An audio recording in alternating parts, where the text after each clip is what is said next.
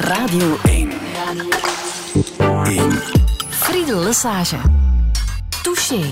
Touché met Oana Bogdan. Goedemorgen. Goedemorgen. Architecte, je werkt hier in uh, Brussel, maar het bijzondere is dat je vorig jaar heel even uh, gewerkt hebt voor de interimregering in Roemenië als staatssecretaris bij uh, de minister van Cultuur. Hoe ben je aan die job gekomen?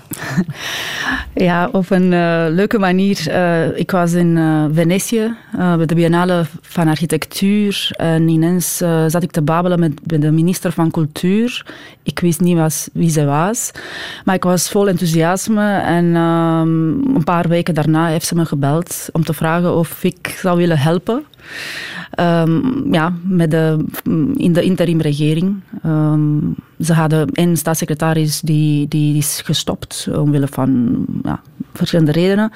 En uh, ja, erfgoed is heel belangrijk en heel zwaar. En uh, ze hebben me gevraagd. En um, dus ik heb een telefoon gekregen en de vraag om mee te doen. En ineens ook zo, weet je, het is echt mission impossible. En toen heb ik direct ja gezegd. Als jij hoort Mission Impossible, ja. Dat, dat trekt jou aan. Ja, omdat ik probeer altijd zo mijn limieten te, te duwen. Te, dat ik was experimenteer graag. Ja, ja, het was super moeilijk. Ja, ja. Vijf maanden lang heb je dat gedaan, ja. tot uh, de verkiezingen, hè, begin uh, december in, uh, in Roemenië.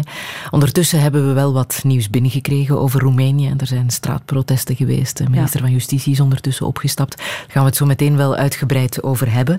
Maar er zit dus nog altijd wel een Roemeense in jou, hè? Ja, wel, ik zeg altijd dat ik een uh, wereldburger ben. Uh, en uh, ik voel me overal thuis nu. Het was niet zo in het verleden. Um, maar ik ben ontroerd door, door, door, de, door de Roemenen nu. Hoe dat ze nu zijn. Hoe dat ze, ik nu zie. het is ongelooflijk. Dus al die protesten. Um, maar vooral hoe dat de mensen zich positioneren, uh, wat ze denken en wat ze voelen, dat ontroert mij. Ja. Ja. De kledij, is dat ook een verwijzing naar uh, Roemenië? Nee, het is een mengeling.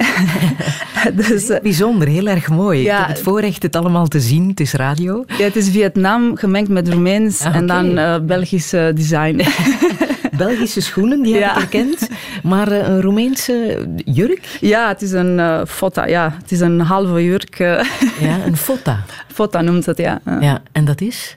Ah, het is iets dat je eigenlijk op een jurk uh, plaatst. Zo. Ja. En je draagt het. Uh, er zijn verschillende kleuren. En ik heb het cadeau gekregen van mijn team in Roemenië. Dus ik had elf mensen in mijn team. Uh, en we hebben heel goed gewerkt en ik heb een heel mooi cadeau gekregen van hun en ik ben heel trots. Voilà, en dat is dan een bijzondere dag om het ja. ook wel aan te trekken. Ja. Hè? Hoe zou jij jezelf omschrijven? Ha, maar, uh, die omschrijving verandert uh, met de jaren. Nu denk ik dat ik uh, heb geleerd om, om meer te zijn dan, dan te hebben. Uh, en dat was voor mij een uh, mooie verrassing, dat ik dat kan. Dat ik uh, gewoon zijn, maar niet, dat wil niet zeggen gelukkig zijn. Hè? Omdat geluk, ja, gelukkig zijn, dat is iets... Um, dat duurt een tijdje, maar je kan niet permanent gelukkig zijn. En dat probeer ik ook niet. Maar... Um, Bijvoorbeeld, een paar maanden geleden zat ik in de badkamer mijn tanden te poetsen. En ik heb altijd zo, ik was altijd op zoek naar manieren om mijn tanden sneller te poetsen. Om tijd te winnen. Hè? Omdat dat is onbelangrijk. Tanden poetsen, dat moet snel en dan ga je leven. En ineens besefte ik, maar pas op, dat is mijn leven. Dat ben ik en ik ben er. Hè? En ik, zelfs als ik de tanden poets, de tanden poets uh, uh, dat is ook leven. En sindsdien geniet ik, uh, geniet ik ontzettend veel van, van gewoon ja, tanden poetsen, even zitten ja. en ademen. Ja. ja, dus, En dat tandenpoetsen moet wel, hè? want je hebt toch een heel kleine verslaving. ja. Choco, choco, wat is het? Uh, kinderchoco. Ja, nee, maar dat is echt, dat is, uh, dat, ik probeer dat niet te doen, maar uh, dat, die kinderchoco fresh, dat bestaat niet overal in alle supermarkten. Maar waar ik woon, die, die, die staat daar aan de kassa, dicht bij de kassa, er is een koelkast. En als je, het is een kleine supermarkt en je staat heel snel in een, op een lijn en dan je bent aan het wachten en ik kijk naar die choco fresh. En, en dat heeft iets, als ik dat eet, ik kan dat ook niet, ik kan niet eentje eten. Er komen altijd zo in pakjes van vijf. Als ik één eet, dan moet ik zo allemaal, ik moet ze allemaal opeten. En het doet mij, ik word kind ineens. Ik weet niet, het heeft iets, uh, mijn, mijn hersenen ontploffen, alles is, is ongelooflijk. ja. Maar het is heel slecht. Johanna Bogdan, blij dat je er bent in Touché. Welkom. Dank je wel. Radio 1. 1. Friedel Lesage. Touché. Well, Mr. Churchill said, Mr. Churchill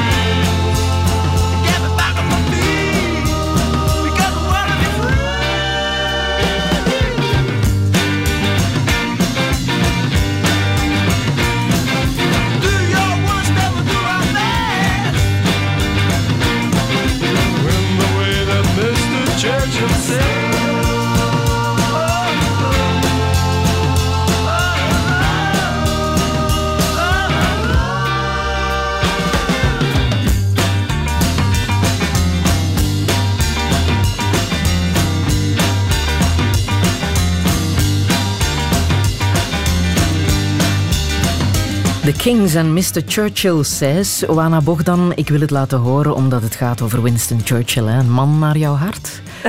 ja, maar vooral uh, heeft, ik heb uh, een uh, zegging van hem overgenomen. Um, I'm, easily satisfied with the, I'm easily satisfied with the very best. Maar voor mij heeft dat misschien andere betekenissen dan voor hem. omdat het gaat vooral over... Um, kwaliteit en intensiteit. Dus dat wil zeggen ook um, dat je misschien uh, niet uh, de beste restaurant ter wereld uh, moet hebben op een bepaald moment, maar um, een, een, een, plek vinden waar je met de mensen heel mooi kan praten en dat, waar een, een, plek waar de diepe connectie tussen mensen kan plaatsen. Uh, hebben, uh, kan, kan gebeuren. Dus uh, ik, ik probeer bijvoorbeeld um, mensen, ik noem ze toxic people, hè? dus mensen met, die een beetje toxisch zijn uit mijn weg halen. Ik, ik probeer zo altijd um, ja, heel intens te ja, leven. Ja. Ja. Nu, je bent architecte, maar je hebt inderdaad heel even in de politiek gezeten. Uh, uh, daar ligt ook wel de link, denk ik, met uh, iemand als Churchill. Ja. Vijf maanden lang heb je meegedraaid in de interimregering in Roemenië als staatssecretaris. Um, heel kort geschetst moeten we misschien even uitleggen wat er in Roemenië is gebeurd. Hè. Er was in 2015 de brand in een nachtclub in Boekarest. Ja. als gevolg daarvan zijn mensen op straat gekomen, is de regering gevallen en is er een interimregering aangesteld, waar jij uiteindelijk uh, bent bij uh, terechtgekomen. Die is actief geweest tot begin december, tot uh, de nieuwe verkiezingen in, in Roemenië. Heb jij als, als interim staatssecretaris iets kunnen doen voor dat land? Ja, natuurlijk. Het was uh, heel kort, maar we wisten dat het kort zou zijn. Dus we hebben ook, en wij, dus ik bedoel de, de, de, hele regering, um, we hebben heel snel gewerkt, uh, heel intensief. Um, en bijvoorbeeld, uh, we hebben een nieuwe code van erfgoed. Dus dat is een, een volledige nieuwe wetgeving voor, voor erfgoed uh, opgestart en tot de helft, uh, dus er is een regeringsakkoord daarover, um, over de principes van die code, dus die, die is er. we hebben ook andere wetten um, proberen, allez, voorgesteld en dan verdedigd in het parlement, dus ik heb zo een beetje overal geweest, ook in het parlement en ook belangrijke, belangrijke vergaderingen met de regering. Maar dan ook een, een dossier, een project die voor mij heel belangrijk is, omdat het is een symbool, denk ik, van de emancipatie van Roemenië. En dat is een um, dossier indienen bij UNESCO uh, voor uh, de erkenning van UNESCO van een al beschermd uh, gebied in Roemenië, Roșia Montana. Uh, het is een voormalige goudmijn die daar die bestaat al uh, duizenden jaren. Uh, dus de Romeinen zijn naar Roemenië gekomen, denken wij. Ehm, dat was een van de redenen. En de mijnactiviteiten zijn continu geweest. Dus die plek toont de continuïteit van, van de mens en mhm. zijn activiteit daar. Maar ook de natuur is daar heel mooi. en het heeft echt een universele waarde. Maar tegelijk uh, bestaat een uh, mijnproject um, al, al jaren die nog niet gestart is. Um, en de Roemenen zijn eigenlijk voor de eerste keer in Roemenië op straat gekomen, uh, vooral voor dat project, om de mijnproject uh, te stoppen. Dus uh, de protesten nu zijn heel hard gelinkt, denk ik, met die site. Het is een heel mooi verhaal. De protesten die er nu zijn geweest ja. tegen die wet op corruptie, corruptie, die zou worden afgeschaft. Ja, maar in het algemeen, het feit dat de Roemenen eigenlijk ze komen op straat vooral omdat het niet meer zo kan. Hè. Ze willen een verandering, maar een fundamentele verandering. En, um, maar ze hebben dat geleerd, hè, dat, dat civic spirit. Dat hebben ze geleerd uh, toen in 2013, uh, toen, toen eigenlijk de hele, bijna de hele wereld wist over, over, over dat project, dat, dat mijn project die zou moeten starten. Het is op, uiteindelijk niet gestart. En nu heeft die corporatie, de Roemeense staat, uh, in gebrek gesteld. En uh, er is een internationale proces, een arbitrageproces in Washington. Mm -hmm. um, en natuurlijk uh, een erkenning van UNESCO, van een natuurgebied en een cultureel uh, erfgoedgebied dat, zou, uh, dat is niet direct een cadeau voor iemand die daar wil uh, investeren, investeren, en geld wil uithalen vooral. Ja, voor, vooral. En dan in open carrière, dus heel erg voor het milieu. En uh, met cyanide, dus echt met methodes die um, heel invasief zijn. Ja. Wat jij hebt gedaan is geprobeerd om dat gebied te beschermen. Het is al beschermd door de nationale wet. Hè. Dus mhm. UNESCO beschermt niet... UNESCO is meer als een erkenning. Het is als een... Uh, zoals, de erkenning heb je proberen in ja, orde te brengen. Ja, ja, ja. Hoe moeilijk was dat? Uh, like in the movies. het was heel moeilijk omdat natuurlijk die, die corporatie die heeft uh, heel veel mensen betaald om... Allez, dus het, gaat echt over corruptie. Hè. heel veel mensen betaald om hun project door te krijgen. dus dan krijg je heel veel oppositie. En uiteindelijk zijn wij als ministerie alleen um, gaan indienen. Dus de regering zelf, zelfs de regering, de technocratische regering, kon niet um, uh, indienen omwille van de druk van, van um, dus alle uh, problemen van die arbitrageproces. Uh, omdat, ja, natuurlijk, je zegt, kijk, de, de, de corporatie die vraagt aan Roemenië 4 miljard euro schadevergoeding, omdat ze hun project niet konden uh, uit, uitvoeren. Uitvoeren, ja. ja, uitvoeren. Um, en dan als je zoiets doet, als je zegt, kijk, uh, UNESCO erkent uh, de universele waarde van, van die site, natuurlijk is het een beetje moeilijker om aan, een project, uh, aan zo'n project aan, te beginnen. en dan was er zelfs de klacht dat de ministerie van Cultuur de, de nationale, dus de, de, de Roemenië in gevaar brengt met zijn actie om de UNESCO-erkenning te, te vragen. Het was al zo erg dat jij bent tegengehouden om dat project in te dienen. Ja, ja. ja we zijn, en uiteindelijk, het is echt, uh, ik moet zeggen, de minister van Cultuur heeft uh, heel veel courage gehad. Ja. Uh, en uiteindelijk beslist, dus alles is volgens de wet. Hè, dus de, de ministerie van Cultuur moet de culturele erfgoed van Roemenië beschermen en de publieke interest beschermen. Ja. En we vonden dat in dit zaak, uh, dat was uh, het, het publiek Aanwezig, algemeen ja. belang Ja. en uh, dat we dat moesten doen. En uiteindelijk, we hebben ingediend, denk ik, 15 minuten voor de sluiting van de UNESCO-kantoren en twee uur voor de, het einde van mandaat van de, van de minister van Cultuur. Like in the movies, zoals je zei. Ja. En wat nu? Eh, met de, eh, Ja, het is ingediend. Het is ingediend en nu hopen wij eh, dat het niet teruggetrokken wordt.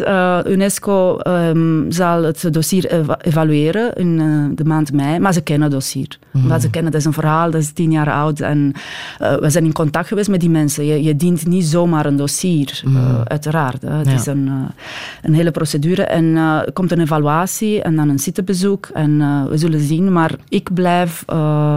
ik wil het project blijven steunen van hier, voor zover dat ik, eh, dat ik kan. Ook al ben je ondertussen staatssecretaris af, je Ja. blijft ermee Ja. eh, mee begaan. Ja. En wat je zegt, dus de, de protesten waar we begin februari eh, een en ander over hebben gehoord, hè, tegen de afschaffing van de wet tegen corruptie, had daar ook mee te maken. Dus het gaat ook echt veel verder dan, dan die ene wet die... Ja, ja, ja, het gaat veel verder. Dus wat ik denk dat het gebeurd is, de mensen, de Roemenen hebben gezien eh, dat het land ook anders eh, gemanaged, gerund kan worden. Hè? Eh, dus één jaar een technocratische regering die niet denkt aan, ah, ik moet herverkozen worden. Het is een andere manier om, om te regeren. Hè. Het, is, het is heel boeiend en allemaal specialisten. Ehm, en dus dat- ze, hebben, ze hebben dat gezien. Ja. Ze willen dat terug. Ze willen opnieuw. Ja, maar toch, er waren de verkiezingen eh, Ja. begin december en dit was de uitslag. In Roemenië heeft de Sociaal-Democratische Partij PSD met ruime voorsprong de parlementsverkiezingen gewonnen. Volgens exit polls behaalt de partij meer dan 45% van de stemmen. Touché. Maar dit is toch onbegrijpelijk? De regering valt, er komt een technocratische regering en terug komen de corrupte politici aan de macht bij een verkiezing, een herverkiezing. Het is heel eenvoudig. Ehm, er is eigenlijk een, een eh, eh, politieke crisis in Roemenië. Dus er is geen oppositie. Eh, de liberalen zijn heel zwak geworden. Er is ruzie geweest, ze zijn gesplitst. Een paar zitten ook in de gevangenis. En de Sociaaldemocraten, zij hebben dan eh, één jaar gehad, hè, dus tijdens de technocratische regering, om zich te herorganiseren. Ze zijn heel goed georganiseerd, omdat ze eigenlijk, wie zijn ze? Ze zijn de oude communisten. Hè. Dat jullie weten, eh, in 89 eh, in Roemenië in december, dat was geen revolutie, dat was een coup d'état. Dat was eigenlijk andere communisten, die, die, leden van de communistische partij, die de macht wouden. En dus, dus die zijn al eh, 27 jaar eh, bezig om zich goed te organiseren. En ehm, dus ze hebben één jaar nu gehad om zich heel goed te organiseren. Ze hebben ook eh, hele goede ehm, experten in eh, strategie. eh, betaald, 5 miljoen dollar denk ik, heel slimme eh, mensen uit eh, Israël. Eh, die Roemenië heel goed begrijpen. En ze hebben heel mooi gespeeld, dus op de zwakte van de, van de mm, nu oppositie. Maar ook, ze hebben op eh, de laatste moment ehm, ehm, heel veel korte termijn ehm, dingen beslist, eh, beloofd. Sorry, beloofd. Dus grotere salarissen, grotere pensioenen. Daar zijn ook- mensen op ingegaan, daar Daar hebben zijn, ze voor gestemd. Die die hebben gestemd, er zijn uiteindelijk niet zoveel mensen hebben gestemd. Eh, Wie heeft gestemd? Alleen de mensen die eigenlijk eh, de Sociaaldemocraten uh, wouden aan de macht. En die Aha. anderen, ze hebben niet gestemd omdat ze volgens hun, ja, ze hadden geen, geen keuze. Is er dan nu spijt, omdat ja, een half miljoen mensen zijn op straat gekomen een paar weken geleden? Voel je spijt bij de bevolking dat ze niet geëngageerder hebben gestemd? Dat Nou, maar bij wie? Bij wie kan je stemmen? Er is is een alternatief. Niet echt. Er was een nieuwe partij eh, die, die heel veel, dus die is echt heel nieuw, een paar, mm, ik denk een jaar oud. En die heeft heel veel stemmen eh, gehaald, maar niet voldoende om eh, uiteraard een meerderheid te, te hebben Ja. in, het, in het parlement. En ik denk dat de mensen hebben ook niet verwacht, echt waar, dat, dat de Sociaaldemocraten terug zouden actief zijn. Uh, ze, ze, ik denk dat ze dachten dat, dat die, de Sociaaldemocraten hun mentaliteit een beetje veranderd was. Uh, maar het was echt niet zo. Uh, dus jullie zien het. De, eerste wat het gebeurt nu is, wat proberen ze hun vrienden uit de gevangenis te halen en, en hun manier van, van doen, hè? dus ja. heel corrupt, legaal te maken. Ja, maar die wet is ondertussen niet meer aan de orde, hè? Die is uh, ingetrokken. Nee, het is niet. Nee, het is, het is, de afschaffing van de wet is ingetrokken. Nee, er, is, er was een uh, uh, urgentie, emergency ordinance, zwart, mm -hmm. die is weg. Maar ze zijn nu bezig met een echte wet. Dus een, een wet in het parlement die bijna identiek is. Dus ze blijven... Ze, ze, ze blijven proberen. Ja. ja. Mm. Het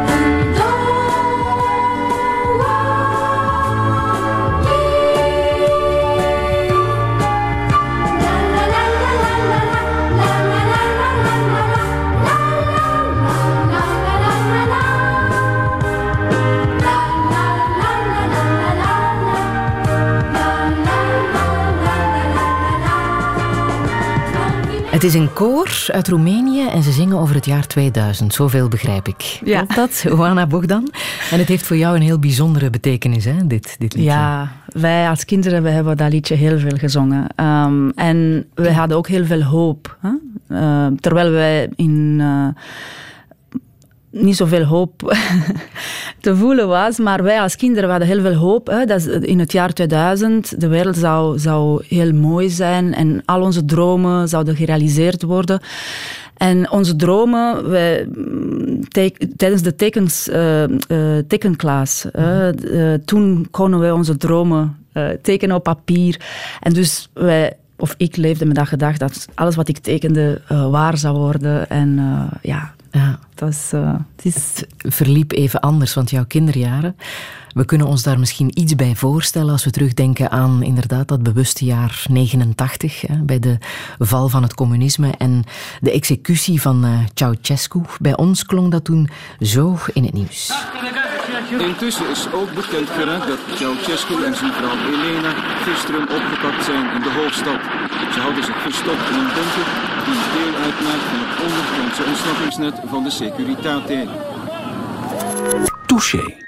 Ja, en toen was er die publieke executie. Uh, heel uh, ja, bizarre beelden waren dat. Jij was toen... Twaalf. Twaalf, ja. Hoe heb jij dat beleefd? Ah, het was... Wij, ik, kon, ik kon eigenlijk... Ja, ik was bang. Ik was echt bang. Um, alhoewel, wij woonden in een stadje waar er was geen gevaar. Het was een klein stadje. Mensen zijn niet op straat gekomen. Maar uh, ja, de beelden die we zagen op, uh, op tv... Uh, wel een beetje schijn, zo, omdat ons tv was niet, zo, was niet zo goed. En we hebben ontdekt dat we eigenlijk, als we naast de tv zitten, dan die antenne werkt wel goed en dan kunnen wij de beelden wel goed zien. Dus om, eh, ik, had, twee, ik heb twee zus, zusjes, dus om de beurt zaten wij naast de tv, zodanig dat onze ouders konden zien wat er, uh, wat er gebeurt. De tv was on, onze enige bron van informatie toen. Mm -hmm. Um, en, maar ook, ik was ook bang omdat ik heb gezien wat dat doet bij de mensen. Dus bijvoorbeeld, er waren buren die ineens, ik zie ze zo met uh, duren, met juwelen en alle, alle, alle hun bezittingen uh, naar beneden in de kelder gaan om die te beschermen, omdat de terroristen komen. En uh, ja, het was. en jouw ouders, op welke manier waren zij begaan met wat er aan de gang was in het land? Ze waren ook bezorgd en uh, bezorgd over, vooral over, over het feit dat er mensen. Er waren gevechten, dus mensen waren. Er zijn, er zijn mensen gestorven. En dat was uh, ja, een beetje, het was chockerend eigenlijk. Maar ze waren ook, uh, denk ik, slim genoeg, nu besef ik, om te begrijpen wat het eigenlijk aan de, aan de gang was. Mm -hmm. Maar het was niet echt een revolutie. En uh, we hebben heel snel gezien uh, dat de macht was genomen door mensen die met dezelfde mentaliteit. dus Roemenië heeft. Communisme in Roemenië was niet echt communisme. Als we naar de definitie kijken, het was een dictatuur. Ja. Um, en het was een, um, een, een, dictator die vooral de intellectuelen en de um, intelligente mensen, laten we zeggen, uh, wou kapot maken. Wat deden jouw ouders? mijn mama was uh, Frans uh, lerares en mijn papa was ingenieur. Mm -hmm. Hebben zij zich geviseerd gevoeld? Um, nee, omdat opnieuw, dus we zaten in een klein stadje en in Transylvanië. Ook tussen heel veel Duitsers en Hongaren. Ondertussen mm -hmm. de, Duitser, de Duitsers uh, weg. Um, en ik denk dat dat heeft gezorgd voor een soort... Uh, we waren een beetje beschermd, wij de Roemenen, denk ik. Omwille van de internationale dan relaties. En, het verhaal dat wij te zien kregen was Ceausescu, die in een enorme wilde leefde, in een paleis met gouden gangen, zwembad, alles erop en eraan, 80 kamers. En dat de Roemeense bevolking arm was. Hè? De, ja, ja, ja, helemaal wel. werd uitgebuit. Uh, zelfs geen deftige lamp mocht insteken. Gecontroleerd werd op elk verbruik. Uh, ja, we hadden warm water één keer per week, zaterdag. Mm -hmm. Heel dikwijls uh, uh, geen elektriciteit, omwille van besparingen. Hij wou onafhankelijk zijn. Hij wou dat wij geen schulden zouden hebben. Geen staatsschulden. En dus we moesten alles uh, snel terugbetalen. En hij, wou, maar hij had ook in, in zijn hoofd een paar megalomane projecten, zoals de House of People, de Ceausescu Palace. Um, maar um, natuurlijk, het was, het was heel moeilijk, maar dat heeft ons um, voortdurend in, zo buiten onze comfortzone gebracht. En ik heb heel veel geleerd uh, dankzij al die problemen. Uh, hoe, hoe, huiswerk. Je moet jouw huiswerk maken uh, zonder verwarming en zonder elektriciteit. Wat doe je? En dan leer je, ja, ik kan handschoenen, ik kan de, de vingers snijden en er zijn kaarsen. En ja, je, je, je je, je vindt jezelf. een oplossing. Ja, je vindt een oplossing. Hoe hallucinant is het dat het paleis sinds dit jaar uh, te bezichtigen is? Uh, het is al langer, denk ik. Uh, je kon het al langer bezoeken. Misschien is het nu iets veranderd dat ik niet weet. Maar het, het parlement zit daar. Wat ik ook uh, niet begrijp. In dat bewuste, ja, chique paleis. Ja, en het is ook uh, beschermd door een muur. en het is ongelooflijk. Um, maar um, het is te bezoeken, het is spectaculair. Alles is groot, het is kitsch. Hè? Het is heel kitsch. alles is groot, alles is goud, alles is de beste, de grootste. De, -huh. Uh, maar het is ook boeiend omdat uh, ondergronds heb je evenveel verdiepingen als bovengronds. En ik weet dat de jongens, de gasten van, uh, ze zijn niet zo jong meer, de gasten van um, Gearbox, Top Gear, Top Gear, ja. Ja, Top Gear. Ze hebben daar met een Ferrari en Lamborghini een wedstrijd gedaan in de... In de kelders van in het de kelders. paleis? Ja, ja, ja. Het is ook een eh, atomische een, bunker en van alles. Ehm, maar, eh, dus dat blijft, dus dat zegt heel veel over Roemenië, denk ik. Dus je hebt de, de eh, Palace of Ceausescu, die dan genoemd wordt de House of People, maar het is eigenlijk het huis van het parlement, waar de parlementairen, ze, ze, ze zijn zoals, ehm, ja, echt, ik noem ze feudalen. Hè? Dus ze komen met hun dure wagens en, en ze hebben heel veel geld en ze, ze leven in luxe en ze vinden zich boven de mensen. Weet je, en ik heb geleerd hier, dat vind ik zo boeiend in, in, in België, dat iemand, die een par- parlementslid of iemand eh, die in, eh, in de regering actief is, die is daar om de mensen te bedienen. Dus you serve. Hè? You are the servant. En daar is het dan andersom. Ze zijn de goden. En, Ja. en wij de... Ja. En als kind, waar haalde jij dan je energie eh, vandaan, je enthousiasme? Waar, waar hield jij je dan mee bezig? Ah, maar ik had sowieso... Mijn moeder zegt dat, ehm, dat ik blijkbaar juist negen maanden later, eh, eh, negen maanden na de grootste aardbeving in Roemenië ben geboren. Ze denkt dat... Eh, jullie Het weten is het, een dat- interessante nacht geweest. Nee, het was, eh, denk ik, 3000 mensen zijn gestorven toen. En eh, ja, het was een hele zware. Ze denkt dat het heeft te maken met dat. Dus ik, had, ik heb altijd heel veel energie gehad. eh, Ja. Te veel. Je nam ook deel aan Oli- Olympiades, hè? Daar was je heel erg goed in. Ja, ja. Dus, tijdens de, dus tot eh 89 eh, was eigenlijk goed op school zijn. Hè? Dus goed, goede punten halen, dat was, dat was het. Dat was de max. Daarna was het geld hebben. Hè. Dat was belangrijk. Maar voordien eh, was het dat. En eh, ik, ik ging heel, met heel veel plezier eh, naar school en ik leerde van alles. Ik was heel nieuwsgierig en heel competitief ook. Men zegt dat dat niet goed is en ik hoor dat nu, dat er nu op school geen punten worden ge- eh, gegeven. En, eh, maar ik weet het niet. Ja, ik, ik vond dat leuk. Dus jij vond eh, iets leuks in de Olympiades. Ja, Dat- daar de- ging het over ja, wie de eerste wordt. Hè? ja, ja, ja. ja. Mm. Wiskunde heb je gedaan en welke nog? Olympiade, wiskunde, maar ook literatuur, talen. Ja, ik kon alles. Er was gewoon niet voldoende tijd om aan alles eh, mee te doen. Maar mijn, eh, mijn beste was informatica en, eh, en fysica. Aha. Daar haalde jij je energie uit. Nee, daar, daar was ik heel goed in. daar ben ik heel ver geraakt.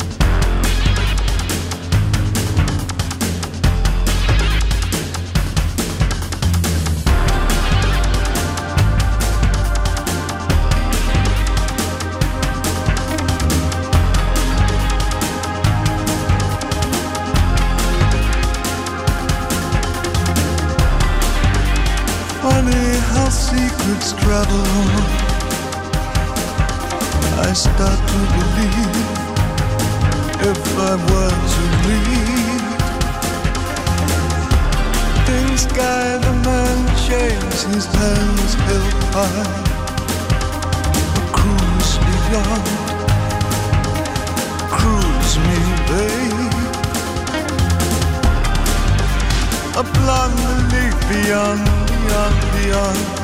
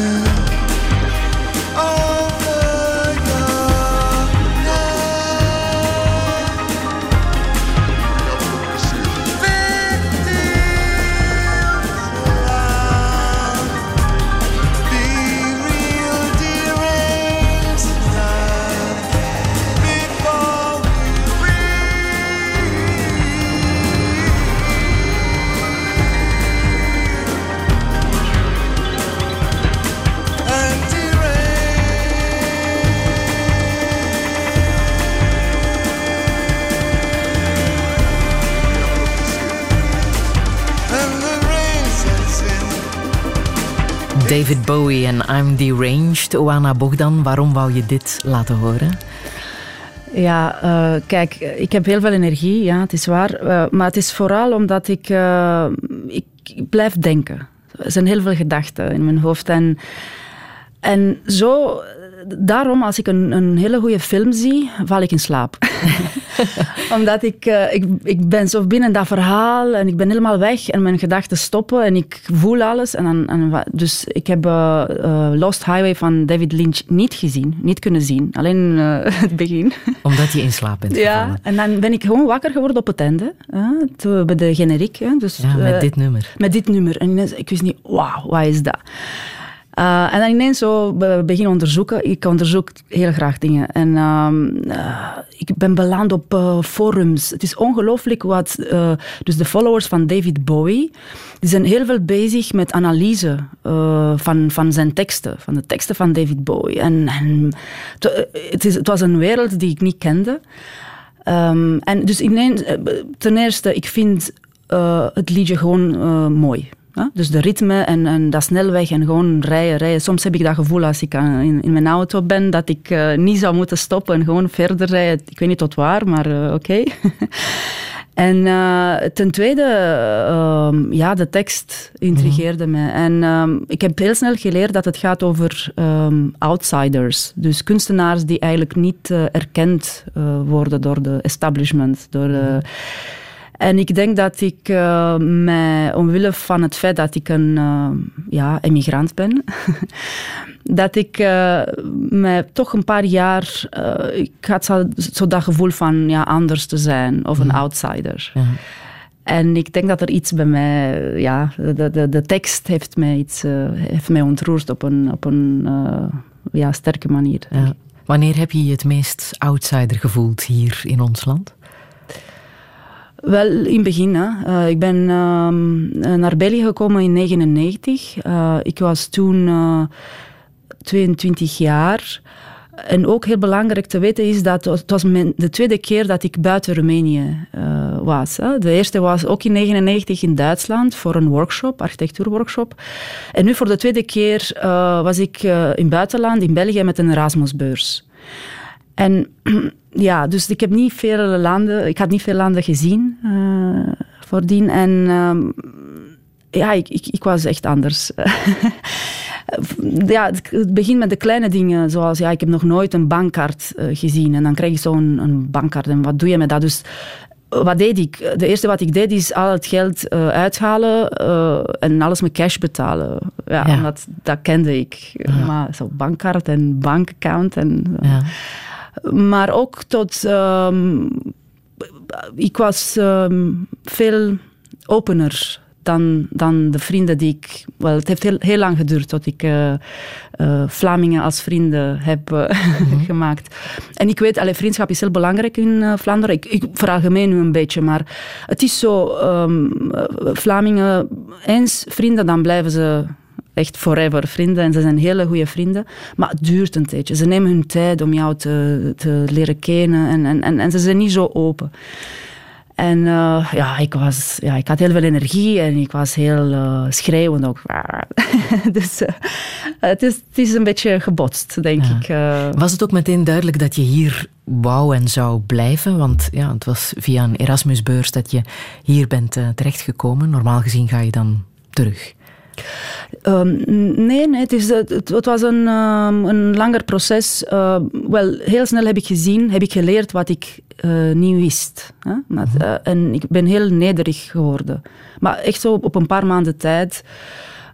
ik had ook geen vertrouwen in mezelf. Waarom? ik was student aan de KU Leuven. En daar hadden wij uitstekende professoren. Hè? En um, ineens is mijn, mijn wereld open, open gegaan. En um, dan, daarna heb ik beslist, dus na één jaar, dat ik meer wou leren. Uh, ook de bibliothecaris uh, was uh, heel um, genereus met ons en, en, heel aandachtig. Dus boeken lezen, met proffen bouwen, uh, heel veel leren. En zo heb ik nog één jaar gedaan, mm -hmm. want dan zonder beurs. En ik moest werken. Mm -hmm. En omdat ik moest werken, en toen was Roemenië geen lid van de Europese Unie, dat was, het was een, heel moeilijk om een, om een manier te vinden om te kunnen werken, om mijn studies te kunnen betalen. En ehm, daarna, van een naar het andere, ben ik, uh, ben ik gebleven. Ja. ja. en ondertussen ben je al 17 jaar lang hier ja. architecte. Wat vind je van onze bouwkunsten? We hebben een baksteen in onze ja. maag. uh, wel, ik, uh, ik zou zeggen dat ik zou verwachten dat jullie dan ook meer... Um, moet ik zeggen, origineel zouden willen zijn. Wat wil je zeggen? Ja, iedereen heeft een baksteen, iedereen wil zijn eigen woning. Maar uiteraard heeft iedereen hetzelfde, vind ik. Uh, het is niet... Uh, ik, ik, het is een beetje... Um, ik mis zo die, die, de courage, de risico te nemen. Van, kijk, ik neem de risico en ik doe iets, dat ben ik. En ik wil dat mijn gebouw, mijn persoonlijkheid... Uh, de creativiteit, de ja. originaliteit. Nee, ik denk dat de, de, de Belgen heel creatief zijn. Dat wel. Maar niet op vlak van... Uh, als Schoonheid. Het, nee, nee, nee, nee, gebouwen. gebouwen. Echt als, als we kijken naar de uh, gebouwde omgeving, dat is wat minder. Hè. Mm. Maar het begint te veranderen. Ik heb heel veel hoop ik, en ik ben heel trots om, om hier nu te zijn. Ik denk dat de Belgische architectuur uh, echt uh, aan, aan zijn top zit nu. Ja? Ja, ja? Laatste dag van Batibouw ook. Hè? Is dat iets waar jij naartoe trekt? Nee, nee, ik ga niet naartoe. Maar ik weet dat heel veel Belgen uh, uh, dat bezoeken. En het is ook goed dat ja? ze zich uh, informeren over de nieuwste technologieën en materialen. Ja, ja, want jouw compaan is Leo van Broek, ja. de Vlaamse bouwmeester. Ja. Die pleit voor een betonstop. En uh, begin uh, dit seizoen, uh, begin dit jaar liever, was hij te gast in Touché. En toen vertelde hij dit. We zeggen nee tegen iemand die op een greenfield wil bouwen. We hebben al 10, 11 jaar geen enkele individuele woning in het buitengebied meer gebouwd. Dus wie bij ons binnenkomt met een leegstaande groene kavel op een auto-afhankelijke locatie, of dat dan nu voor een villa is, of voor een fabriek, of voor een school, of wat dan ook, die kunnen wij niet helpen. Touché. En als Leo van Broek zegt bij ons, dan bedoelt hij jullie kantoor, Bogdan en Van Broek. Mensen moeten niet bij jullie aankloppen voor een individueel huis. Zo wordt er niet meer gebouwd in 2017. Hè?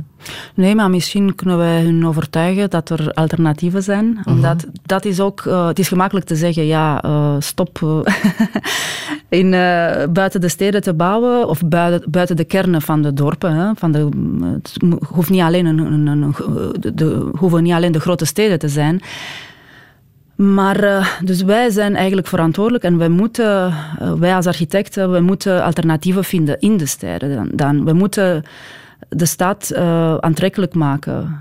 We moeten manieren vinden om mensen boven elkaar, naast elkaar, dicht bij elkaar huis, te huisvesten. Mm -hmm. en dat is een uitdaging, omdat dat vraagt heel veel ja, werk. Ja. Echt veel werk. Maar ik geloof dat um, het heeft te maken ook met. Het heeft te maken niet alleen met natuur. Uiteraard. Een ecosysteem om, om te blijven bestaan heeft een bepaalde oppervlakte nodig, een continuïteit. En we weten dat allemaal. Maar het heeft ook te maken met hoe dat wij uh, willen evolueren. Dus in, in, in een stad, mensen die, die dicht bij elkaar wonen en, en uh, leven. En, dat zorgt voor veel meer innovatie, voor creativiteit. Want je komt uh, tegen iemand en, en je begint heel snel ideeën uit te wisselen. En zo evolueren wij. Hè. Dus, uh, bijvoorbeeld, er zijn uh, studies gebeurd en men heeft ontdekt dat in belangrijke dus, laboratoria, dus echt gebouwen voor innovatie, dat de innovatie gebeurt op de gangen waar de, al die specialisten, de, de wetenschappers, uh, ont, uh, elkaar ontmoeten en, en beginnen te babbelen.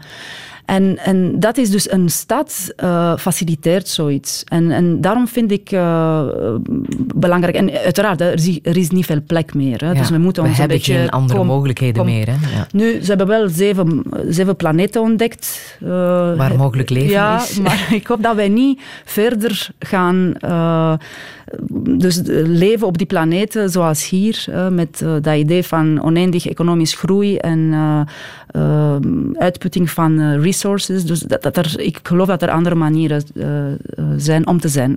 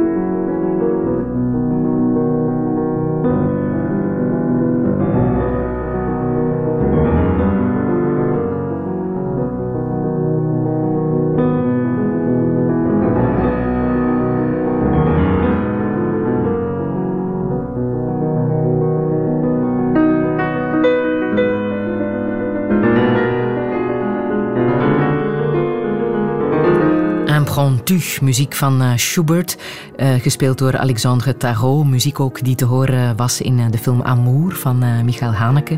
Oana Bogdan, wat vond jij zo bijzonder aan die film Amour? Um, ja, kwetsbaarheid en, en liefde. Um, ik, ik moet zeggen dat ik van in begin tot op het einde heb gewend. Dat zegt, ik kon niet stoppen. Um, en dat is gebeurt zomaar, zonder te veel, te veel woorden. Uh, ik denk dat uh, de kracht van de film uh, blijft in, in een paar beelden die bijna schilderijen zijn. Ja, en aan welk beeld denk je dan? er is één dat bij mij is gebleven, dus de hoofdpersonages, een koppel, twee oude mensen, zij sterft en hij zoekt een jurk voor haar begrafenis. En dus hij zoekt in haar kast en je ziet zijn rug. En zijn rug um, vertelt alles. Ik vind dat de ruggen van mensen heel veel vertellen. En ik, word, ik ben aan, altijd ontroerd door, door de ruggen van mensen. Het is ook, hè, we hebben al, allerlei... We zeggen altijd, ja, je hebt mijn, een mes in mijn rug uh, gestoken. Hè, dus mhm. dat, dat is jouw uh, fragiele kant. Daar ben ik kwetsbaar. Dat is, uh, je kan jezelf niet verdedigen. Vandaar dat je dat beeld in, in de kunst bij Gerard Richter bijvoorbeeld ook ja, terugvindt. Hè? Maar ik denk dat het... Ik weet niet meer welke was eerst. omdat ja, Gerhard Richter is nu een beetje overal in alle musea. Dat vind ik ook een probleem. Dat er zijn bijna geen unieke musea. Je weet niet meer waar je bent. Hè. Je bent in een museum en je kan, een museum en je kan overal ter wereld zijn. Uh, maar uh, ja, de, uh, het beeld van de dochter van Gerhard Richter, Betty, toen ik die zag, ik was ineens weg. Ik ben heel lang gebleven bij die schilderij. Gewoon haar rug. en je ziet, het is een gewone dag in haar leven, omdat ze dragen een een sport, een, een, jasje, zo, ja, niks speciaal. En haar haar is ook niet echt uh, speciaal uh, gemaakt. Dus, en, en ja, ze toont uh, haar rug. Ja, ook en ze kijkt ergens. Ja, ja, ja, Maar je bent wel een, een, een filmliefhebber, lijkt het. Behalve dan die keren dat je in slaap valt? Nee, ik... ik, uh, uh, ik um, waarneming, dus de, de, ik ben heel visueel uh, ingesteld. Mm. Ik bekijk niet zoveel films. Ik lees veel liever de boeken. Omdat dan kan ik mezelf films maken. Uh, zo ben ik ook als architect. Uh, dus als ik moet ontwerpen, ik maak films gewoon in mijn, in mijn hoofd. Ah, en ik probeer te zien, ja, hoe gaan de mensen dan uh, wonen daar? Hoe komen ze thuis? of ja, als het een publiek gebouw is, hoe passeren ze langs het gebouw? Wat zien ze? Wat voelen ze? Um, dus ja, heel filmisch. Zo. Ja, Vannacht worden de Oscars uitgereikt uh, in Hollywood. Um, de film die het net niet heeft gehaald in de categorie uh, beste niet-Engelstalige film was uh, die Romeinse film, hè, Sierra Nevada, over hoe de Romeinen leven in deze tijden. maar je hebt hem net niet gezien, hè?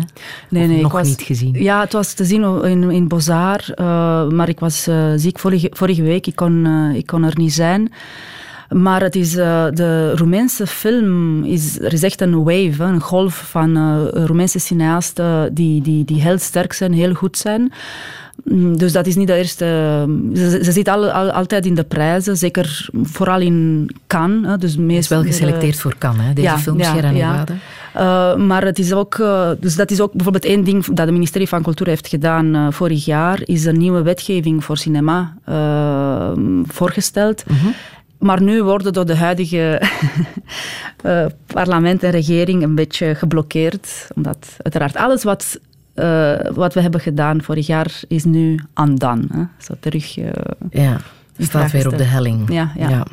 Ik heb nog muziek klaarstaan uit de Japanse film To Live uit 1952 van Akira Kurosawa. ook een film waar je een bijzondere betekenis aan hebt gegeven hè, voor jezelf? Ja, Ikiru. Um, het heeft te maken met, uh, ook met een boek die ik cadeau gekregen heb van een, uh, een, um, een prof um, van in Roemenië. Eigenlijk mijn, een beetje mijn mentor van Roemenië. Uh, van de dood van Ivan Illich, van Tolstoy. En dus in Ikiru zie je een man, hij is een, een bediende uh, en heeft een, een hele saai leven. betekenisloze uh, leven. En um, hij wordt ziek. Ja, hij wordt ziek en dan ineens uh, kijkt hij terug en hij beseft dat hij eigenlijk niet geleefd heeft. En hij beseft ook dat zijn kinderen eigenlijk niet uh, de reden zijn voor zijn bestaan. Dat is niet voldoende. Op een bepaald moment uh, zegt zijn dochter, maar papa, je zet heel veel druk op mij. Ik heb jou niet gevraagd om mij in, uh, op, op, op de wereld te brengen. Dus uh, ik, ik ben niet jouw uh, verantwoording hè, van, van zijn. En uiteindelijk vindt hij zijn vrede in, in een project voor, voor, voor de stad, voor een community daar, een park. Hij, hij zorgt dat er een park, een park komt in een buurt waar geen buitenruimte was. En hij maakt heel veel mensen heel gelukkig. En dan is hij tevreden. Ja. En op het einde van de film, een van de eindscènes, zingt hij dit lied.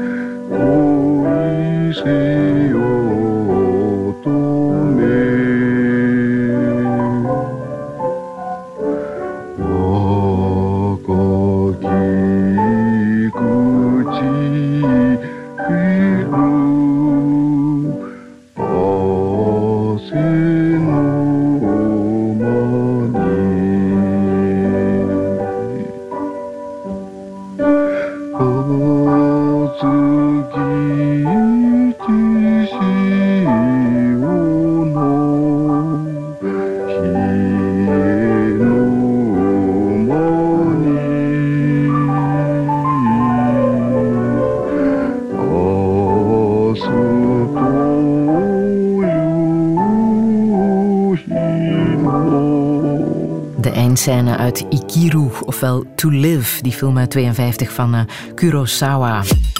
Radio 1. Radio 1. Friedel Lesage. Touché.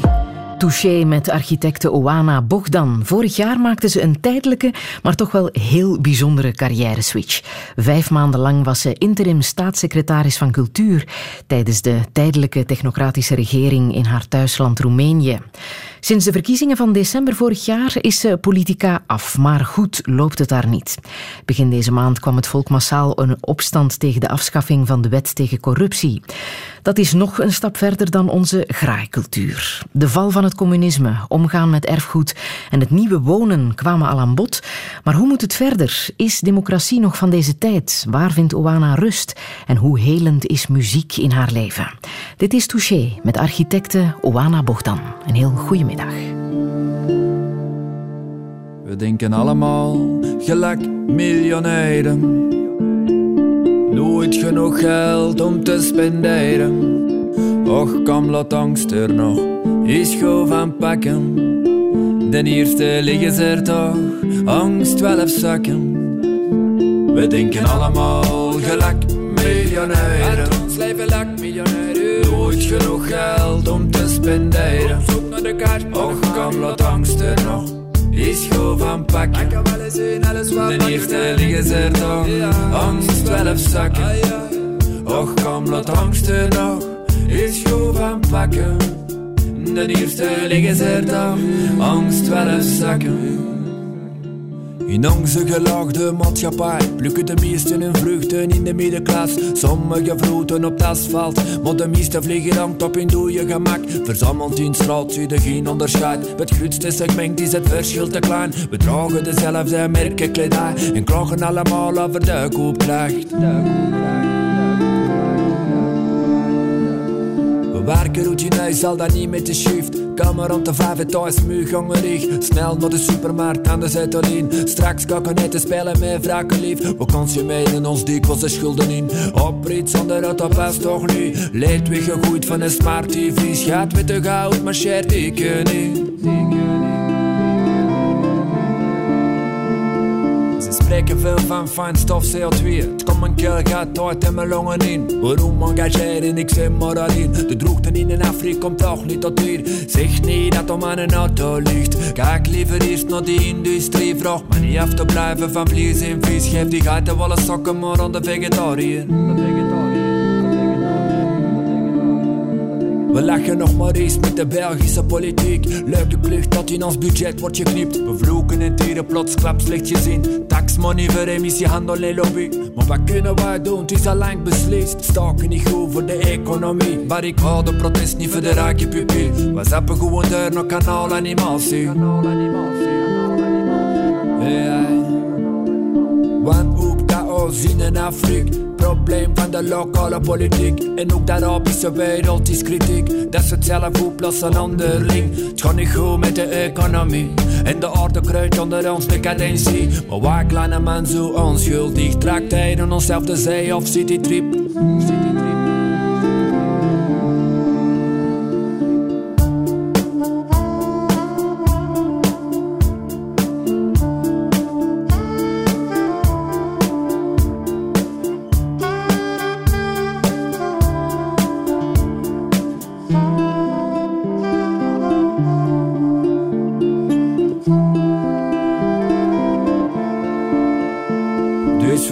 We blijven denken gelijk miljonairen. ons leven lak miljonairen. Nooit genoeg geld om te spenderen. Op zoek naar de kaart. Och, kom, laat angsten nog.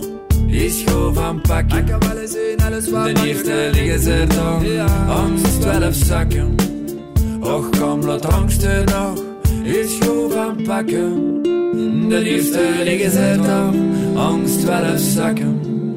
Tourist MC en uh, miljonaire. Oana Bogdan, dat was in het Antwerps, maar je begrijpt het ook, hè? Ja. Ondertussen is jouw Nederlands zo goed dat je ook Antwerps begrijpt. Ja, het, het zou bijna over onze graaikultuur kunnen gaan, hè?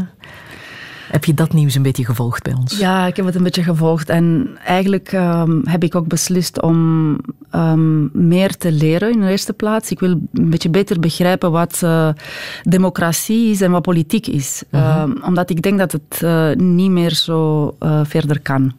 En, en, ik heb ook gezien dat de protesten in Roemenië eigenlijk andere landen hebben beïnvloed. in Frankrijk, in Parijs, zijn mensen op straat gekomen en ze hebben letterlijk gezegd, we zijn geïnspireerd geweest door de, door de Roemenen. En we vinden uh, dat onze politici anders moeten. En politiek zoals uh, nu, allez, zoals vroeger kan niet meer. En er moet iets anders in de plaats komen. Wat, dat weet ik niet. dat is iets dat ik moet ontdekken. Maar ik ben van overtuigd dat er veel slimmere mensen al bezig zijn om, om, om, met de alternatieven. En ik wil mezelf bij aansluiten. Maar ik denk dat wij, zolang dat wij alles, alles meten met geld, dat geld ons uh, meetcode is um, en dat alles is gebaseerd op economie. Ik zou zeggen, waarom uh, wordt een, een staat, uh, een, regering niet, waarom neemt een regering niet als rode draad bijvoorbeeld de cultuur? Je kan, op basis van cultuur kan je alles um, organiseren. Dus geld en um, macht, hè, en macht uh, brengt geld, um, dat is iets dat ik uh, uh, in vraag stel. Ja, dat is ook waar het altijd op fout loopt. Hè? Waar, ja. waar, zoals bij ons nu ook, de dingen op fout lopen als blijkt dat, dat er te veel geld wordt betaald, onnodig geld wordt betaald aan politici. Maar, maar daarom, ik denk dat wij... Um, eigenlijk de waardes, universele waardes, zou, zouden waarnemen en ook, uh, ons ook anders organiseren. Bijvoorbeeld, ik geloof niet meer in, in uh, grenzen, in staten. Uh, waarom? We zijn met zoveel op zo'n klein planeet en we zijn zo gelijk eigenlijk. Hè? Alle mensen, we zijn mensen gewoon. Waarom zouden wij geen orde vinden? Een soort universele orde. Dus dat wij niet meer... Mm, dat, dat de grenzen eigenlijk niet meer bestaan. Dat de, ja, bijvoorbeeld vluchtelingen je, je, je ziet de civic rights. Om, om, om, om die te hebben moet je in een bepaald land um, um, erkend zijn. Als, -hmm. Citizen. Uh, zodra dat je die grenzen uh, verder bent, dan, dan uh, zijn de human rights, dan komen zij te pas en dan zie je dat dingen fout lopen. Um, dus eigenlijk, ik droom van een wereld waar geld eigenlijk bijna niet meer bestaat. Ik weet niet, er zijn allerlei utopieën, maar Um, waar mensen gewoon samen uh, kunnen leven. Um, omdat ik ook geloof dat de mensen uiteindelijk goed zijn. En ik heb heel veel ruzies met heel veel vrienden uh, die mij weten te vertellen dat het niet zo is dat de mensen even slecht zijn als goed. En ze zijn niet meer goed dan slecht, maar uh, ik blijf geloven. Jij blijft geloven. en als je zegt, je zou een structuur moeten vinden waar cultuur uh, onze leidraad is, waaraan denk je dan? Hoe, hoe zie jij dat dan? Maar uh, bijvoorbeeld de Europese Unie. Ja, die is, hoe is die ontstaan? Het is uh, gebaseerd op een agreement uh, voor kool, uh, als ik me niet vergis. Dus het heeft te maken met kool, met geld, met, zo zijn ze begonnen. Maar stel voor dat het andersom was dat cultuur eigenlijk uh, een, een leidraad was. Dat erfgoed uh, uh, belangrijk was. Erfgoed komt ter, pas overal. Hè? Dus, omdat als je kijkt naar erfgoed, dat is wie wij zijn. Um, je weet dat ondertussen um, is de eerste crimineel... Um, er is één terrorist die eigenlijk met opzet erfgoed heeft um, gebombardeerd. uh, met het idee dat uh, uiteraard erfgoed is onze identiteit. Maar onze identiteit als, als, als mensen. Hè? Dus mm -hmm. ik geloof niet in nationale identiteit enzovoort. maar dus als mensen. En als je dat met opzet doet. Hè? Dus dat wil zeggen dat dat ook heel belangrijk is. Um, en die, die, men, die mens is nu veroordeeld. dus het is nu erkend dat erfgoed zo belangrijk is. En, en dat, is maar een, dat is maar een voorbeeld. Um, maar dat je dat cultuur en um, dat zorgt voor, voor evolutie. Door cultuur zijn de mensen ik denk dat de mensen beter worden ook. En als je kijkt naar ons land, doen wij het dan goed eh, in onze omgang met ons erfgoed? Um, ja, maar het is begrijp een beetje als um, de museification. Hè? Dus als een uh, museum. Wij zijn, ik denk dat we heel snel, uh, wij de Belgen, hè? ik ben ook Belg, wij gaan heel snel naar een museumtoestand. Terwijl ik geloof in, in erfgoed die, dat leeft. Hè? Dus dat verandert. Maar dat verandert op een respectvolle manier.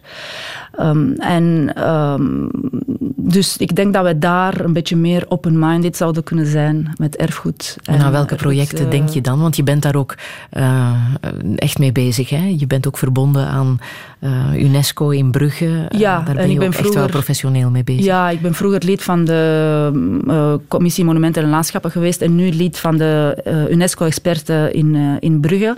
Maar Brugge is een goed voorbeeld. Omdat zij ook heel snel een museum zijn geworden, denk ik. een heel mooie. En dan hebben ze gezien, ja, mensen kunnen niet leven in een museum. Dus wat gaan we doen? we zien dat de, de, mensen ouder worden in Brugge. Er zijn heel veel oudere mensen die naar Brugge komen om te sterven. Ik, ik, ik ben een beetje... Ik maak het zo'n beetje zwart-wit. Maar de, de, jonge mensen wouden niet blijven. En dan zijn ze...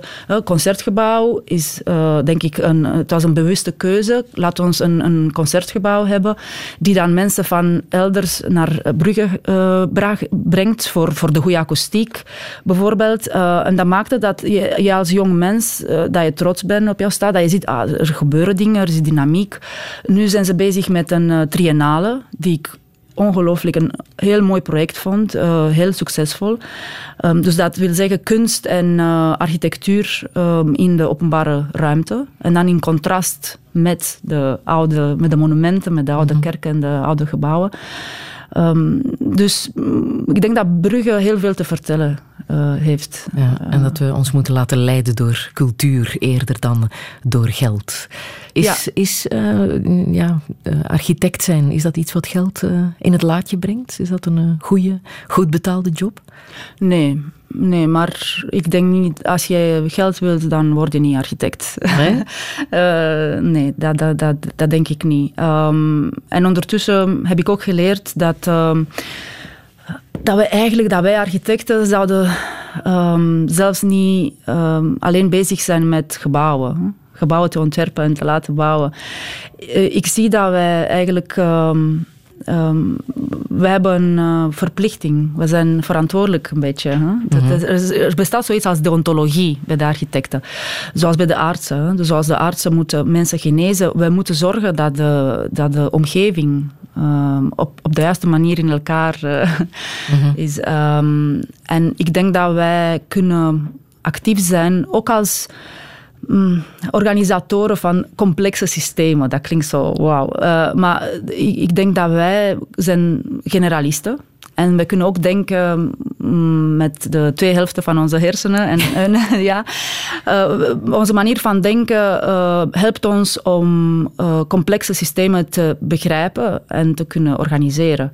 En dus dat wil zeggen dat je zelfs een regering zou kunnen organiseren als architect. Niet alleen, uiteraard. Ik geloof heel veel in samenwerkingen en, en, en multidisciplinaire aanpak en zo. Maar wij, eh, wij zouden eh, veel meer eh, dingen kunnen doen. Er bestaat zoiets als eh, design thinking en design leadership. Dus dat wil zeggen dat managers van grote bedrijven proberen om onze manier te denken te importeren, te gebruiken in eh, dagelijkse eh, activiteit. Maar dan hebben ze snel, dus dat was, dat was design thinking, en dan hebben ze snel gezien dat dat moeilijk is. En dan hebben ze bedacht, ah, design leadership. Dus dat wil zeggen dat wij designers en architecten vragen om onze bedrijven te helpen runnen. Ehm, ja, dus ik denk dat architecten ehm, eh, waardevolle burgers zijn eh, en dat ons beroep ehm, heel veel kan. Ja, ze zeggen ook wel eens dat de architecten psychologen zijn, hè? want jullie moeten echt wel tot de ziel van de mensen doordringen om te begrijpen wat, wat eh, ze willen, wat speelt, eh, wat hun dromen en verlangens zijn. Hè? Ja, we proberen, hè. het is niet gemakkelijk. Voel je dat bij jezelf ook, dat je soms meer psycholoog bent dan architect? Ja, je wordt psycholoog, eh, omdat je moet heel veel waarnemen. Dat is observation, dat is iets dat mij, dat mij boeit. Dus je moet, eh, je moet dikke dingen be- bekijken en je hebt niet zoveel tijd eigenlijk. We zijn... eh, als je een, een ziekenhuis moet ontwerpen, of een school, eh, of een eh, kantoor, eh, ehm, woningen, dat zijn allemaal verschillende vragen. Ehm, verschillende activiteiten, maar uiteraard, het gaat over mensen. Dus uiteindelijk, ik geloof heel veel in een soort ehm, universele ehm, ehm, ja, waarden, uiteraard, maar ook eh, reacties van mensen, dus die, die de cultuur overschrijven. Ehm, en als wij als architecten, als wij dat kunnen eh, ehm, brengen in onze ontwerpen, dus een antwoord op al die reacties die eigenlijk niks te maken hebben met cultuur. Dus dat wil zeggen dat je een goede publieke ruimte ontwerpt, dat je een goede publiek gebouw ontwerpt, dat je een goede woning ontwerpt. Gewoon omdat jij ehm, raakt zo alles wat ons samenbrengt eigenlijk, als mensen. Hè. Dus eh, wat psychologen noemen de system one, hè, dus die niet zo eh, irrationele, laten we zeggen. En wij zijn zo geboren. En daar denk ik dat als wij een, eh, als architecten iets kunnen ontwerpen die eh, een antwoord biedt aan, aan die eh, verlangen en, en instincten en, enzovoort, dan denk ik dat we goed bezig zijn.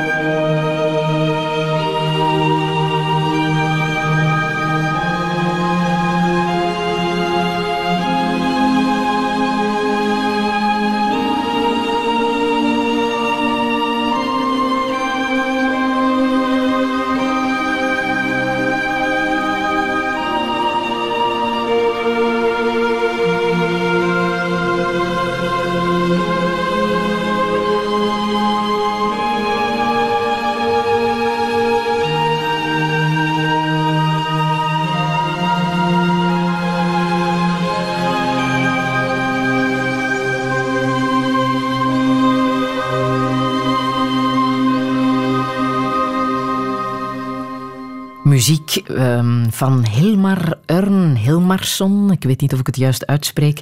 Het is terug te vinden op de cd Children of Nature, Oana Bogdan. Hoe heb jij deze muziek leren kennen? Um, in IJsland, in Reykjavik, na een ongelooflijke reis die mijn leven heeft veranderd.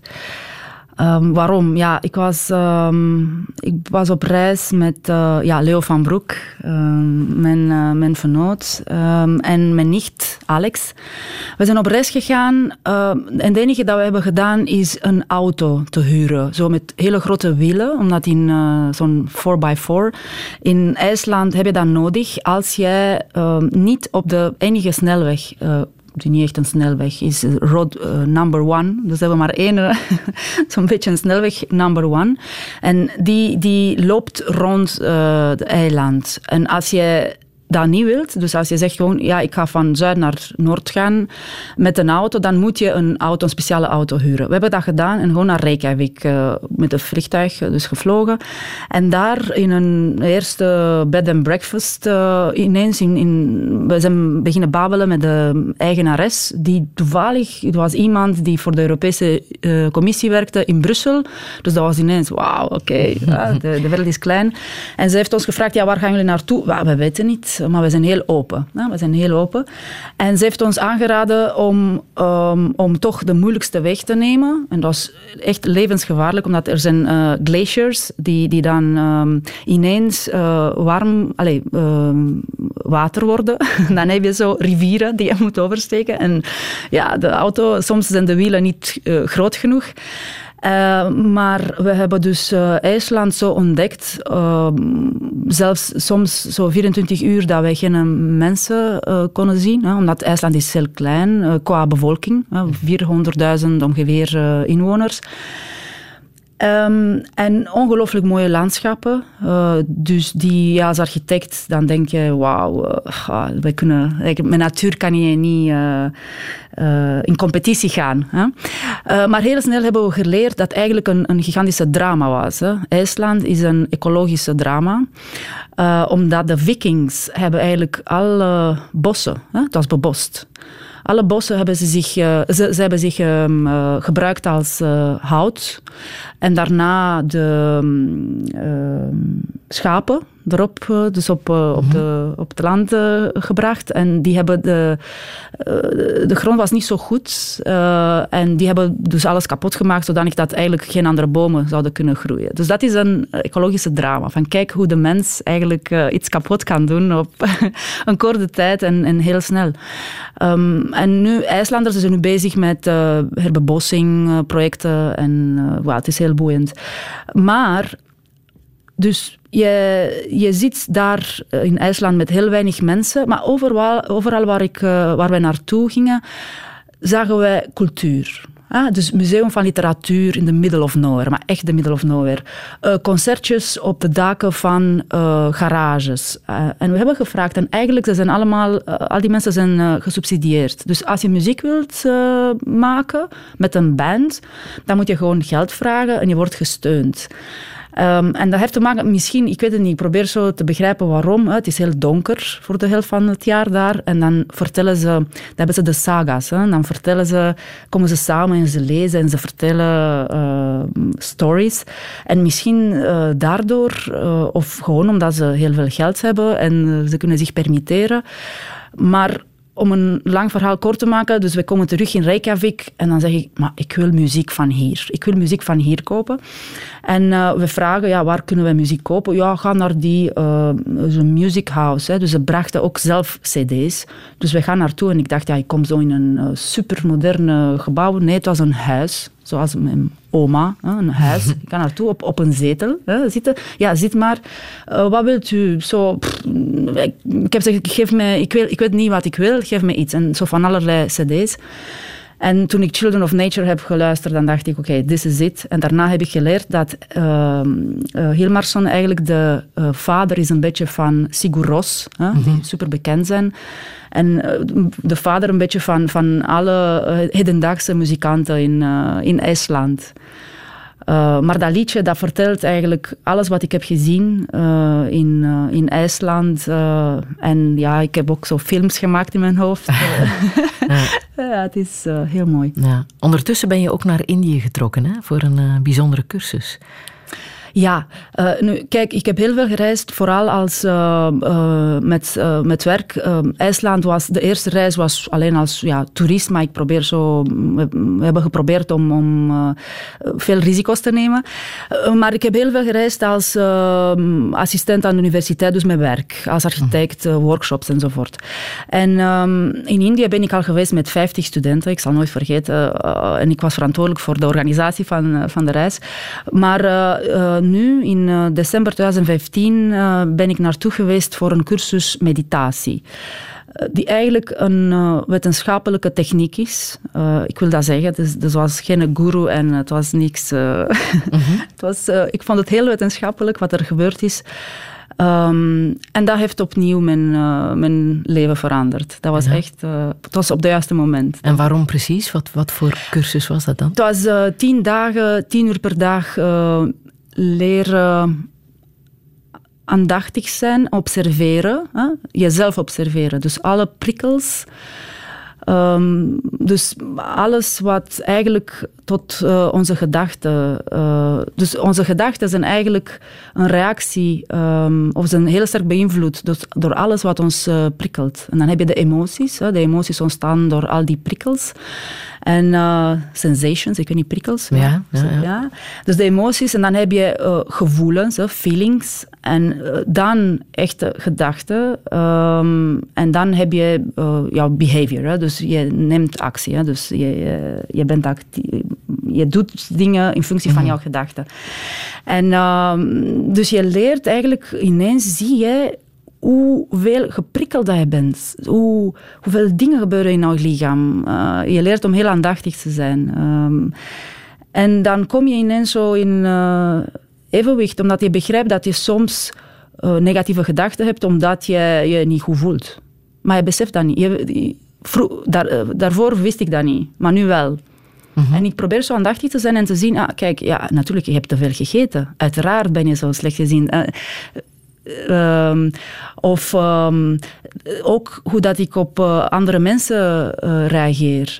Omdat ik zie dat het eigenlijk die mensen ze hebben ook problemen. Ze zijn ook slecht gezien.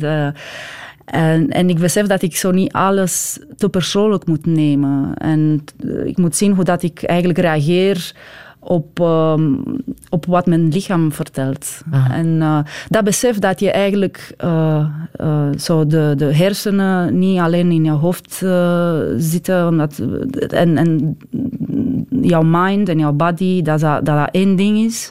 En dat ze heel geconnecteerd zijn, dat was een openbaring. Ja.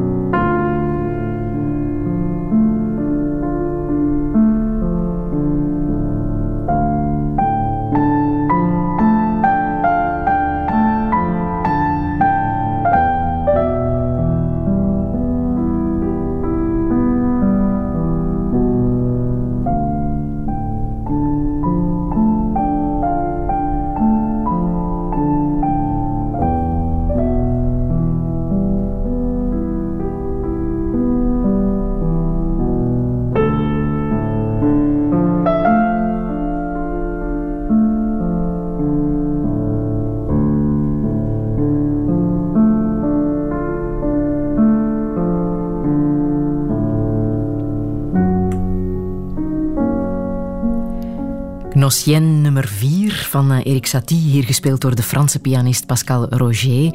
Oana Bogdan, je wou absoluut deze versie, gespeeld door uh, Pascal Roger, laten horen. Waarom precies? Omdat het, uh, ik vind het heel precies. Uh, dus het is, ehm, het is niet te snel, niet te, niet te traag. Ehm, het is in balans. Het is perfect. Ik kan het niet goed uit, uitleggen, maar uh, al die andere versies vind ik, uh, vind ik minder goed. Uh, ze proberen um, emotioneel te zijn, denk ik, op een foute manier. Um, en dit vond ik in, in een mooi balans. Ja. En het is uh, de enige muziek die ik kan luisteren als ik, uh, als ik moet schrijven, bijvoorbeeld. Uh, een thesis of een, een belangrijk stuk. Mm-hmm. dan, dat is de enige muziek dat ik kan hebben in achtergrond. Ja. Heeft dit ook te maken met jouw liefde voor de piano?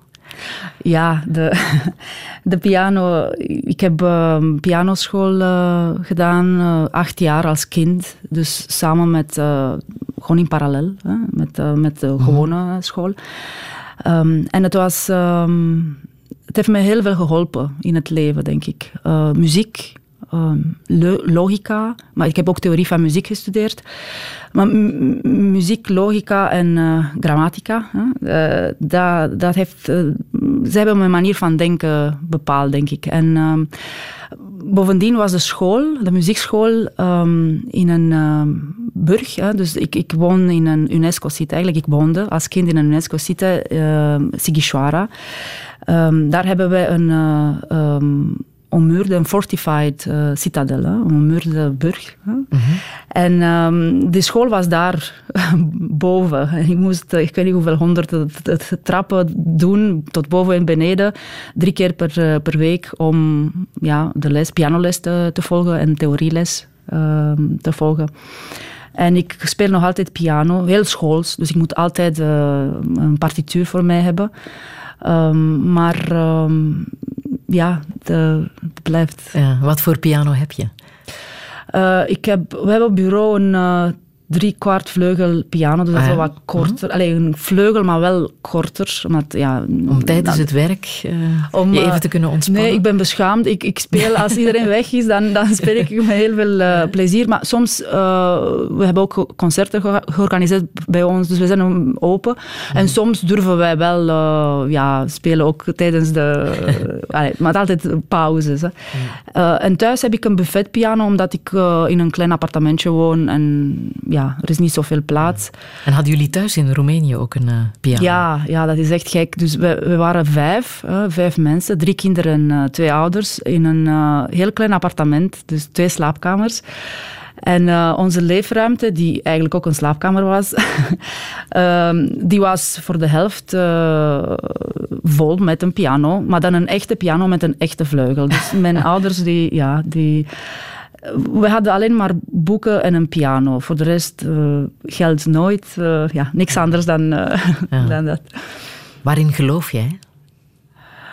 Ja, ik, ik, heb het al gezegd. Ik geloof echt in, in, in mensen, in, in mensheid en menselijkheid. Ja, in, in het Nederlands zijn er twee woorden in het Engels en uh, in het Roemeens is er maar eentje, humanity. Hè? Uh mhm. -huh. Dus dat, dat is de twee. De conditie uh, om mens te zijn en, en ook alle mensen samen. Hè? Dus um, al die mensen samen, die... Um, en ik heb ook een... Hoe zeg je dat? Een... een uh, ik ben heel ontroerd. ik ben dikwijls ontroerd. Ik ben heel ontroerd door een project die ik heb leren kennen uh, in uh, het jaar 2000. En dat noemt uh, New Babylon. En dat is een project van de jaren 50 van uh, Constant Nieuwenhuis. Dat is een uh, Nederlandse kunstenaar die deel maakte van de Situationists. En die heeft een, gebaseerd op een, op een boek van Huizinga, de Homo Ludens, dan een nieuwe wereld bedacht. De New Babylon, zo de, de, de een new city, waar mensen eigenlijk niet meer moeten werken omdat ja, we hebben al die machines. Hè, dus uh, uh, dan van Homo faber, hè, die vroeger de Homo sapiens was, van Homo faber zouden wij Homo ludens worden. Dus mensen die spelen, uh, creativiteit en weer al cultuur. Dus um, ineens niet, niet zozeer meer bezig met de materiële cultuur. En um, dat vond ik uh, heel inspirerend. En ik vraag me af of het zoiets uh, zou kunnen, dat wij niet meer moeten werken. En als dat zo is, dat wij als mensen um, altijd goede mensen blijven. Dat wij niet beginnen, ik weet niet, uh, slechte dingen te doen. Ja, dat is echt iets wat jou bezighoudt. Ja, ja. Op welke manier probeer jij een, een, een goed mens te zijn? Um, ja, ten eerste, ik, maar ik, het is een uh, lange weg. Um, ik probeer zo dat uh, mijn ego zo te verkleinen. Uh. heel klein te maken. En dan uh, heel open te zijn. En um, empathisch. Uh, en nieuwsgierig uh, naar andere mensen. En dan denk ik dat um, als je zo bent, en ook heel authentiek uiteraard, maar dat, daar gaat het over, dat je heel, heel veel goed kan doen. Maar dan ben je ook heel kwetsbaar, hè? Wel, ja en nee. Ik weet het niet. Bijvoorbeeld in Roemenië... Um, ik heb, um, voor mij was het heel gemakkelijk omdat ik, ja, ik wist dat ik terug zou komen. Ik, ik had daar geen vrienden, maar ook geen, uh, allez, geen vrienden die ik moest helpen. Weet je. Dus ik was uh, uh, niet, niet corrupteerbaar. en ik, ik heb altijd beslist, alle beslissingen die ik heb, moest nemen, en er waren heel veel elke dag, um, die nam ik met het idee altijd denkende aan, aan het algemeen belang. En wat is goed voor de mensen, voor die anderen. Voor de anderen. Omdat als iets goed is voor de anderen, dan is het ook goed voor, jezelf. Maar je bent ook heel eerlijk. Uh, en de mensen zien dat. En ze reageren op uh, echt uh, spectaculaire manieren. Ook de slechte mensen. Ik, maar, Heb je dat echt ondervonden? Ja, ja, ja. ja. Even Zo'n burgemeester was, die ja. kwam uh, heel gewelddadig. Ja, echt gewelddadig. Hè. Naar, naar mij, hij kende me niet. Maar ik wil met die staatssecretaris praten. En zo kan het niet meer. En ik moest een, een man vragen om, bij, om de vergadering bij te wonen. Omdat ik, ik was bang dat hij misschien mij zou... En gewoon te babbelen met die, met die man. En, en, en naar hem te luisteren, in de eerste plaats. Want dat is belangrijk. Uh, naar hem te luisteren, dan is hij ineens kalm geworden. En dat zie ik bijvoorbeeld, dat heb ik heel veel gezien in Roemenië, um, dat mensen niet meer kunnen luisteren. Ze luisteren niet naar elkaar. En ze, dikwijls, uh, ze hebben me dikwijls bedankt omdat ik luisterde.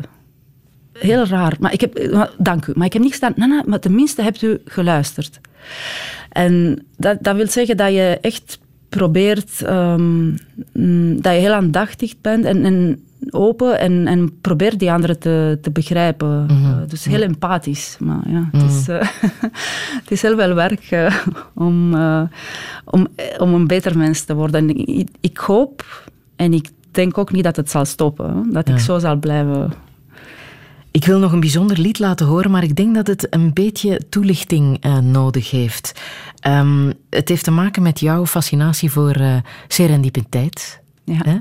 Daar, daar ben je enorm uh, mee bezig. Hè? Wat uh, uh, de fascinatie voor één onderwerp zoal kan opleveren. Als je begint aan een zoektocht, kom je op iets anders terecht. En, zal ik eerst even een klein muziekstukje laten horen? Dat is doorgestuurd door, door jouw zus, dacht ik. Ja. Ja, we gaan gewoon even luisteren. Ja.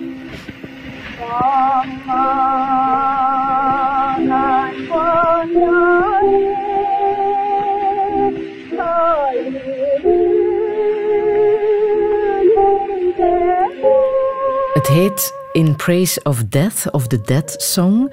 Uh, we horen Yoon Sim Doek. En wat moeten we er nog meer over weten? Um, ja, maar ik zal eerst heel kort over serendipiteit praten. Het is een uh, recente woord, eigenlijk van de 19e eeuw, denk ik. En uh, het heeft te maken met uh, Serendip. Serendip is de oude naam van Sri Lanka. Um, en er, waren, het, er is een verhaal, uh, een story, hè, en dat vertelt dat de drie zonen van de koning van Sri Lanka van honderden jaar geleden zijn op, stap, op reis gegaan. En heel veel goede dingen gebeurden. En ze, maar ze waren niet op zoek naar iets die per se goed was, maar heel veel goede dingen gebeuren. Maar ze waren wel open. Heel open en, en uh, ook heel um, waarnemend. Um, en ze, hadden, ze hebben ook uh, wel goed gestudeerd thuis, laten we zeggen. Um, en waar wil ik uh, naartoe? Is, is, ik geloof niet in geluk. Geluk, ja, geluk hebben, nee, dat, dat heb je niet. Maar ik geloof wel in serendipiteit. Dus dat wil zeggen dat, dat jij, dus serendipiteit zoals uh, uh, coincidence. Hè. Uh, het heeft eigenlijk niks te maken met coincidence. Hè. Serendipiteit, dat is iets, je hebt een bijdrage. Je hebt een bijdrage. Er gebeuren goede dingen, maar ik denk minstens voor de helft ben jij verantwoordelijk voor die serendipiteit. Mm -hmm. um, omdat, uh, bijvoorbeeld, ja, zoals een, een goede plek ontdekken in een, in een stad dat je niet kent. Gewoon omdat je, uh, je kijkt rond, je, je ziet dingen, je ziet mensen bewegen en, en je gaat met de flow en dan ontdek je ineens een, een, een goede plek. Of omdat je geïnteresseerd bent in kunst en je belandt in een uh, centrum voor hedendaagse kunst. En dikwijls zijn die centra gebouwd in arme wijken en dan ontdek je zo ineens een wijk die niet in TripAdvisor staat of weet ik veel. En uh, wel met uh, de, dat liedje, eigenlijk, mijn zus heeft mij een Koreaanse liedje van de jaren 60 verstuurd. En uh, ik uh, op YouTube. En YouTube die raadt jou aan om ook andere liedjes te beluisteren. En ik zie ineens de Death Song en ik heb die dan geluisterd. En ik was nieuwsgierig en dan heb ik over gelezen dat het eigenlijk het gaat. Het is de eerste moderne liedje, Koreaanse liedje. dus van de, in de begin 20e eeuw. En ineens besef ik dat ik eigenlijk dat liedje ken, omdat het, uh, het is de Golfen van Donau. Uh, dat is een Roemeense compositie van 1880, geloof ik. Die dan de Koreaanse, de, de Sim heeft het overgenomen en haar laatste liedje uh, van gemaakt, omdat ze was verliefd op een getrouwde man. En uh, uh, juist nadat ze dat liedje heeft opgenomen, heeft ze zich, ze is gesprongen met die man, die getrouwde man, getrouwd met iemand anders, uiteraard. Ze zijn gesprongen van een boot in een rivier, in het ah, water. Ah. En dan uh, ja, is ze gestorven en dat liedje is zo blijven, is heel belangrijk. In Die melodie herkennen we dus nu ook in uh, Corina Chiriac, die ja. we zullen laten horen.